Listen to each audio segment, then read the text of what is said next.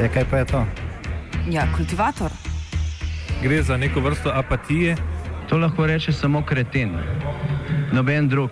Socialni invalid in ga je ne mogoče urejati. Drugi kandidat. Pa, pa pije, kadi, masturbira, vse kako ti lahko reče. Nihče tega ne ve. Vsak petek skultiviramo dogodek tedna. Lahko po kriterijih radio študent, težko pa po evropskih kriterijih. Ampak na drug način, kot vi to mislite. Kultivator vedno užge. Da pač nekdo sploh omenja probleme, ki so, in da pravzaprav sploh nekdo sproži dogajanje uh, v družbi. To drži, drži.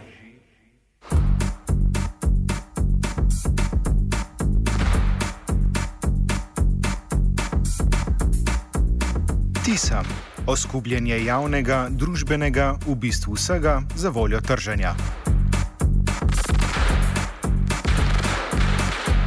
Ženeva je bila ta teden prizorišče pestrega nabora pogajanj na polju korporativnega, agroživilskega in še česa, a pogajanja glede najbolj daljnosežnega sporazuma, sporazuma TISA, tudi tokrat niso bila obelodanjena.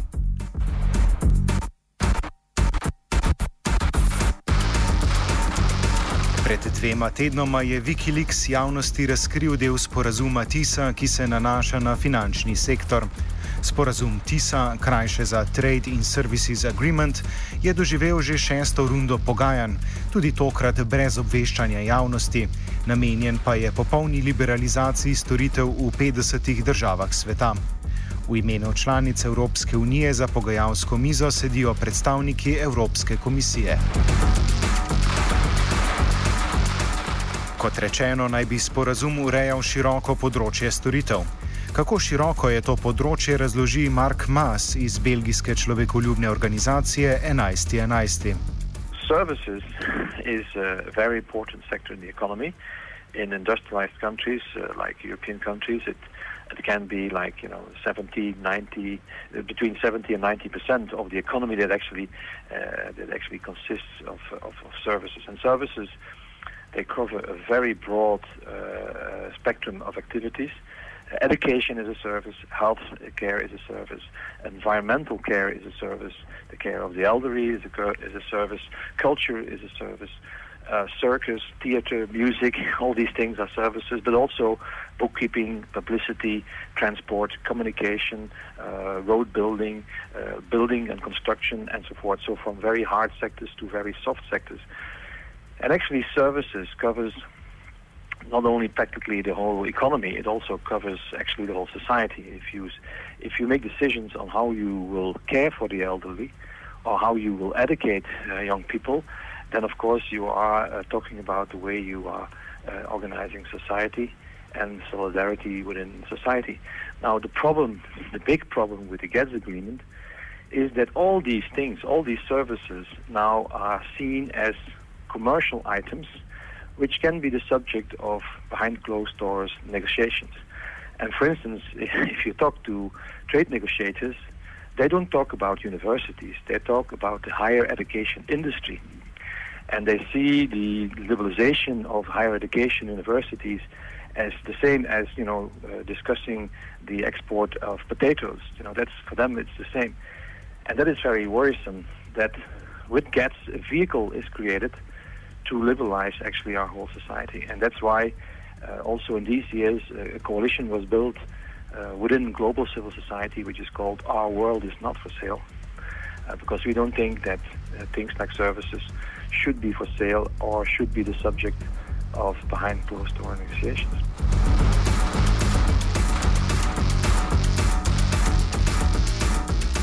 Področje storitev trenutno ureja sporazum GATS, splošni sporazum na področju trženja storitev, oblikovan leta 1994. O GATS-u in potrebi po novem sporazumu nadaljuje MAS. In 1994, um, the GATS agreement was adopted and there was a first round of liberalization. So the, the GATS agreement has, has, a, has a positive list approach, which means you only have to liberalize those sectors that you propose yourself in a in a game of offer and request, give and take. So, if you, for instance, as a country, would be uh, interested in uh, in opening the banking sector in another country, so you ask the liberalization of the banking sector, that country will say, okay, fine, but then we would want to have the opening of your education sector. And so you offer and you request and you come to an agreement, and then your universities are liberalized and their banking sector is liberalized. So that is a positive list approach.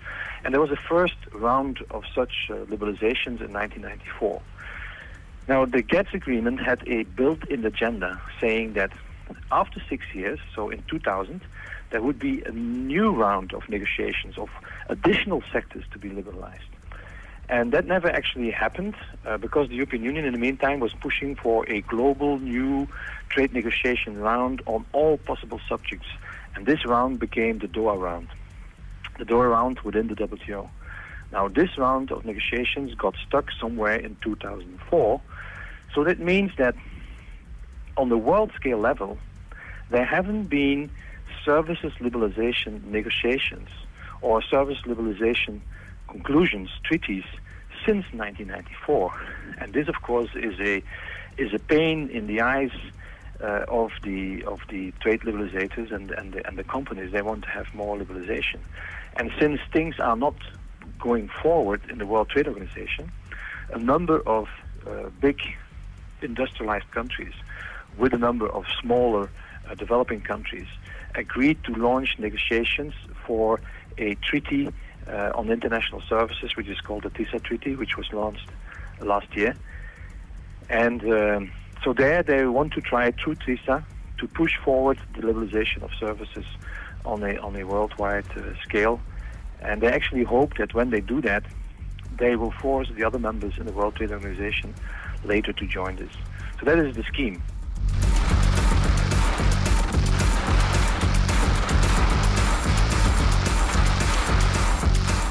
Kako se TISA razlikuje od GATS-a? Če je GATS našteval področja, ki spadajo pod okrilje sporazuma, TISA našteva le področja, ki ne bi spadala pod okrilje sporazuma.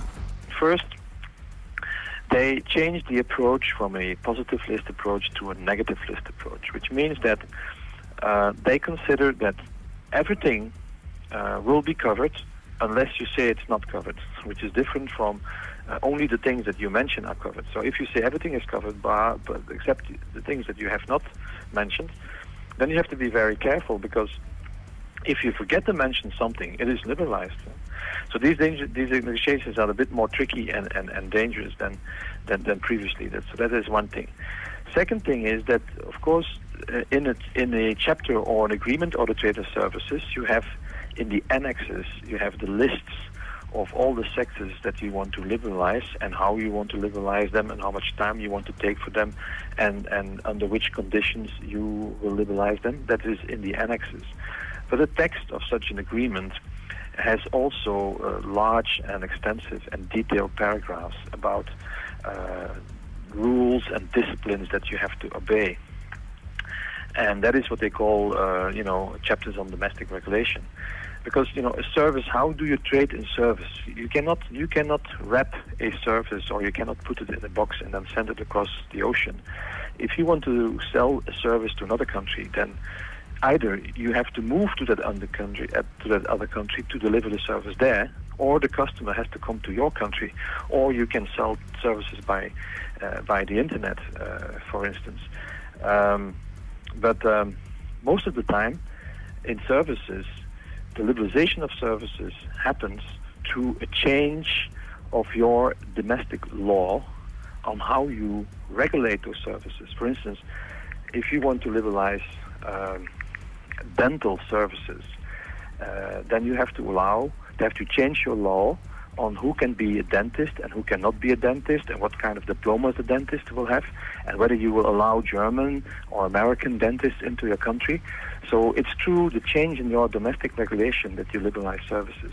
And that is in the bulk of the treaty, actually, your domestic regulation. So, so actually, such an agreement um, does not deal, in fact, with trade. It deals with the way that you organize all these services in your country. So that is very deeply interfering in actually your sovereignty and in actually matters that should be very public and that everybody should be involved in, but nobody knows what is happening. This is happening behind people's uh, back. And so what you find in such an agreement is strengthening of those disciplines. You know, they will tell you how you can regulate your communication services, your telephone services, how you should regulate your internet, uh, what what kind of privileges you should give to companies, and so forth, so forth. So this goes very, very far. And uh, the principles that they usually use uh, in order to do that is very simple principles. First, you have to give foreign providers of services natural national treatment. You must treat them, treat treat them at least as good as your own service providers. Secondly, you must treat foreign uh, providers of services. You must always give them the best treatment that you give to foreigners. So if you give a good treatment to the Americans, you have to give the same treatment to the Chinese or to the Japanese. Well, the Chinese are not in, involved in the TISA negotiations yet. But you have to also give this to the Japanese. That is the second principle. Uh, another principle is that whatever you do, whatever rules and regulations you have, they have to be at least trade distorting. So you might have a good regulation on, for instance, the uh, how you how a dentist should work and the hygiene rules and the, the fair practices and so on. Uh, but these rules should be the least trade distorting, uh, which means that trade becomes the highest principle in society. You know, they're not making the rules in such a way that they are the least social uh, distorting or environmental distorting. They are making the rules to make them at least trade distorting so that international companies can benefit most. So it puts actually your whole society upside down uh, if you go that way of, of, of negotiating services.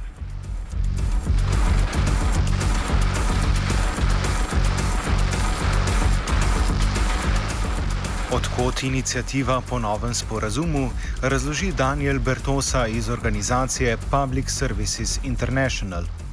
The TISA is a direct request of the Coalition for Service Industries.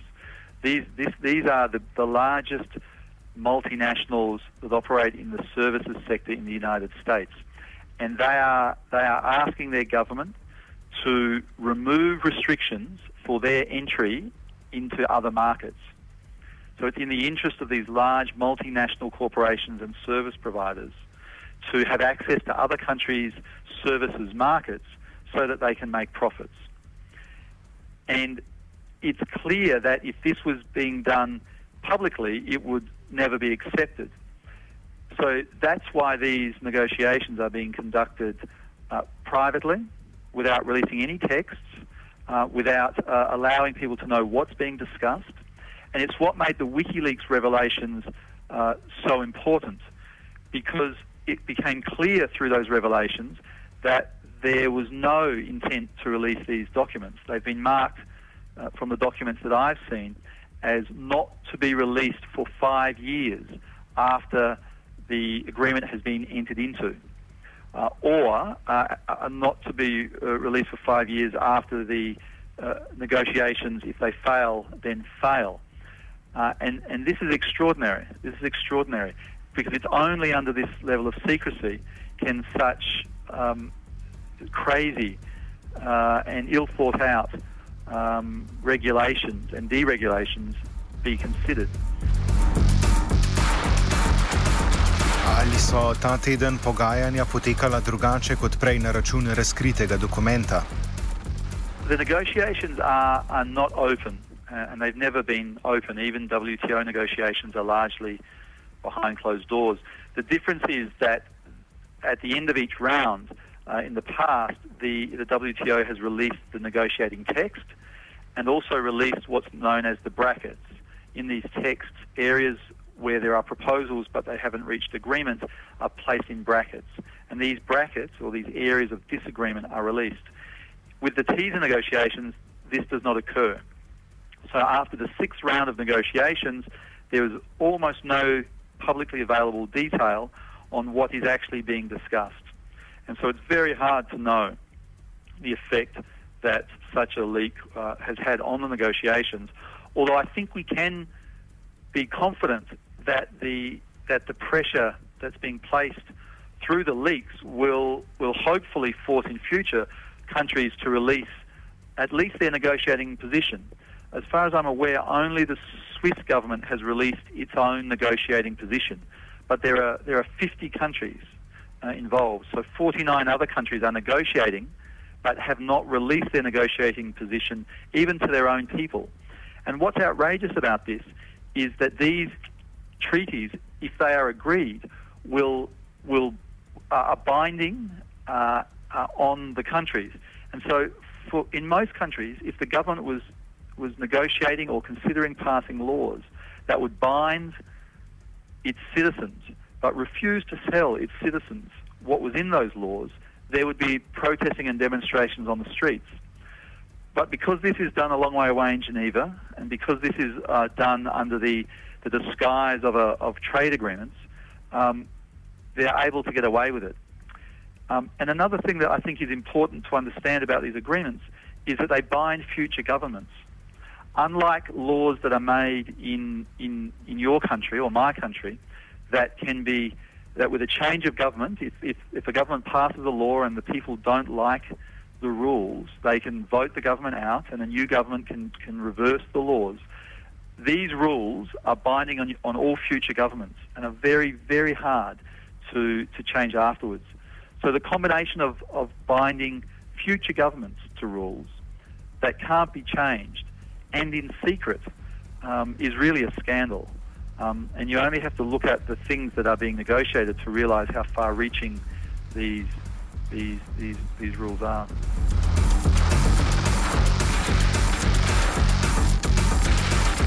Petdeset držav sveta sodeluje pri oblikovanju TISE, med njimi ni držav skupine BRICS. Kaj to pomeni? It's not so much that these countries are excluded. I think that the people who are negotiating the trade in services agreements are open to anybody joining. But in order to join, you have to commit to opening up your your markets, your services markets, to the rest of the world. And many countries just don't think this is a good idea. Um, as I've said, these agreements are less and less about trade. They're less and less about buying and selling things. And they're more and more about stopping government's ability to make regulations in the people's interests that restrict the ability of corporations to make profits. So these, these, these agreements are increasingly about what we call behind the border barriers to, to trade. So they're not about tariffs. The majority of tariffs and services have been removed already. They're about stopping governments passing laws that restrict large multinational companies from making profits in your country. And for many, for many countries, they simply don't want to open up uh, their, their, their markets and they don't want to tie their own hands in the ability to make laws to protect their citizens simply so that, that other countries' large multinationals can come and make profit um, in, in their economy. Um, China um, has approached uh, the group uh, and asked to be admitted, um, and those discussions are currently taking place. Uh, but there is a reluctance to, to involve China uh, because there is a view by, by some parties that China won't allow um, foreign multinationals into into its markets enough to to to, to allow their entry into the negotiations.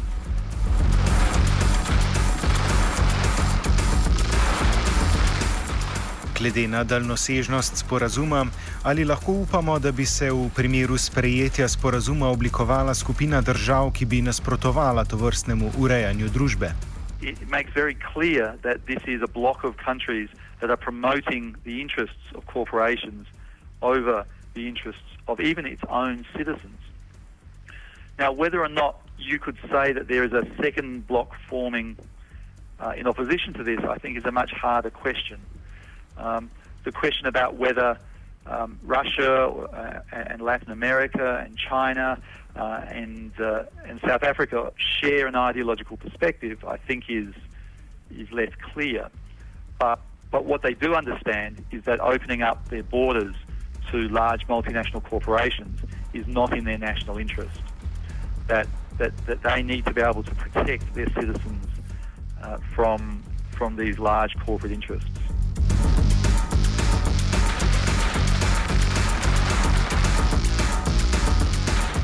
Ekvador je v preteklosti že nasprotoval aktualnemu sporazumu GATS, prav tako pa je ta teden v Ženevi skupaj z Visokim komisarjatom Združenih narodov za begunce in stotinjami nevladnikov organizacij Združenih narodov predlagal vzpostavitev sistema za nadzor transnacionalnih korporacij. O vlogi Ekvadorja nadaljuje Mark Mas. Uh, I find, uh, if I may say so, the position of Ecuador rather dubious. Uh, which has to do with many reasons. I think they can be brave and they have their own uh, opinions and positions, of course, but they are also, uh, yeah, they are also a small player in the big uh, world. So maybe in principle they're rather skeptical of uh, trade and services, but as a member of the WTO, they they have to comply. And also, the European Union and, the, and Ecuador are now negotiating a free trade agreement. Uh, and that free trade agreement will have a chapter on services. And as far as I'm informed, uh, Ecuador has no other option than to accept it.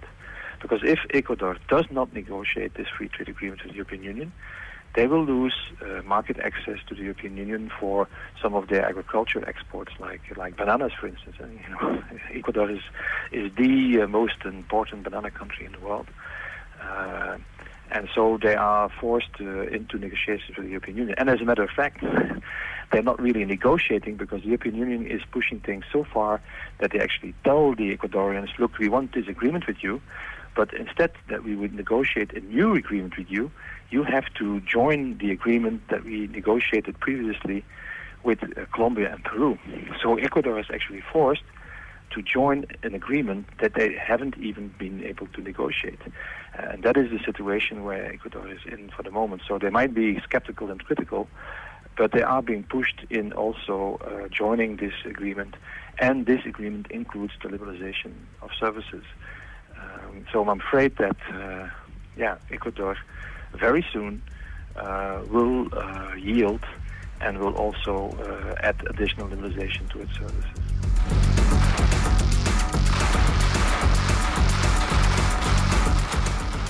Pa bi vzpostavitev nadzora nad korporacijami strani Združenih narodov omilila posledice tise, če bi bila ta sprejeta? Bertosa. We have uh, we have had so many battles, and some of these battles we have won. Uh, so, like in 19, uh, 1998, uh, protests all over the world managed to stop this multilateral agreement on investment.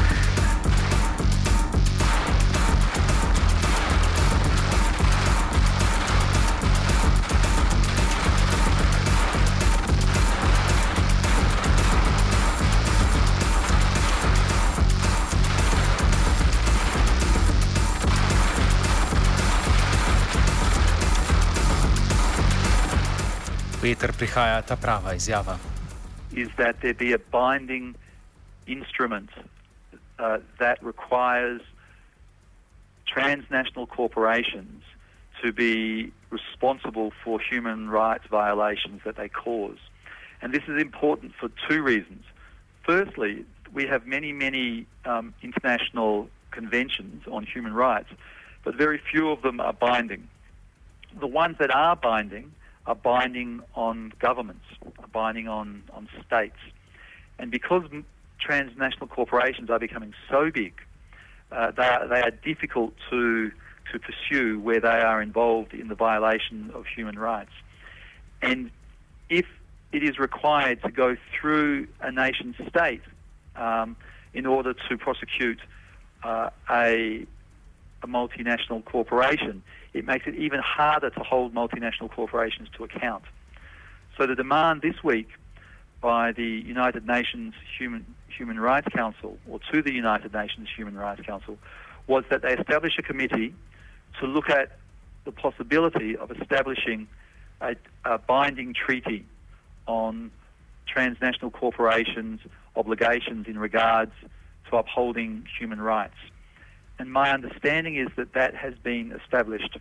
So there will be a, a, a multi-country committee established to look at the possibilities of establishing such a treaty, and that that will meet uh, in the coming months and report back uh, in the first instance uh, early next year. This gives us great hope. However, I think it's clear, it should be made clear this is, this is a, a very first and tentative step, and that it remains to be seen whether human rights violations will be able to overcome the trade agreements if these trade agreements are made before this other binding instrument. We know, for example, that there are there are trade agreements with countries that have horrible human rights violations. We know, for example, that in Colombia, uh, uh, trade unionists are, are threatened and killed. Yet Colombia has trade agreements with, with, with other countries that have clauses that say that Colombia needs to uphold labour rights. So there, there is a, a real problem with the way in which these trade agreements are able to be used with the a fig leaf, really, uh, that that that that that that doesn't really have any effect when it comes to uh, environmental standards or human rights abuses. So it remains to be seen whether or not another binding instrument will be able to uh, protect people from the, the, the, violations that will occur uh, in these other agreements. And perhaps most importantly, many of the things that are, that are being negotiated in the, the trade in services agreements are not violations of human rights it's not a violation of someone's human rights to to to privatise the health service. Um, it's just a very very bad thing.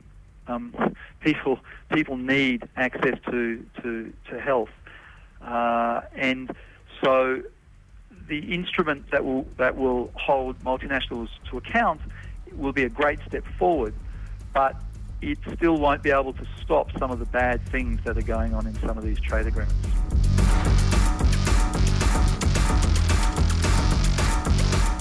Kaj nam je storiti? Zaključuje Maes. We have uh, we have had so many battles, and some of these battles we have won. Uh, so, like in 19, uh, 1998, uh, protests all over the world managed to stop this multilateral agreement on investment, and uh, we also actually were uh, with all the protests, we managed to to slow down negotiations in the World Trade Organization or organization, and also we managed to get rid of ACTA. But the thing that we have never, never managed to get rid of is the secretive nature of trade negotiations. So that should be the prime uh, object, the prime goal. It, we should say no, no more. We don't want people to negotiate these things behind our backs. We want to see the texts. We want to have full transparency. So if negotiators want to negotiate, fine. But you know, every now and then, the results of these negotiations have to be published so that everybody can see them, can see what the consequences are. They can see what they're doing with our education, with our health services, and so forth. These things must be public, and, and, and so we should get rid of this medieval system where trade negotiations can do that behind closed doors and parliaments can only say yes or yes. Uh, we should have uh, full transparency, and before these agreements are sent to Parliament, they should be open for scrutiny by all the people so they can see what is going on. And if we don't like it, then they have to go back to the negotiating table and change it. That's how it should be. Then trade policy would be within the democracy. But as things are now, trade policy is outside democracy.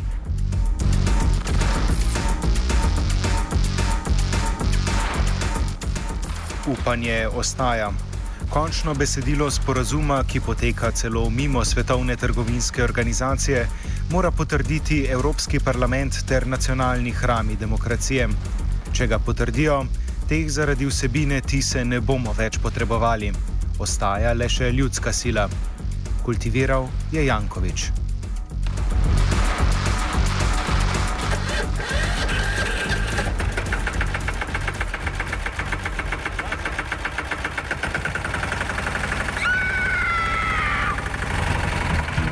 E, kaj pa je to?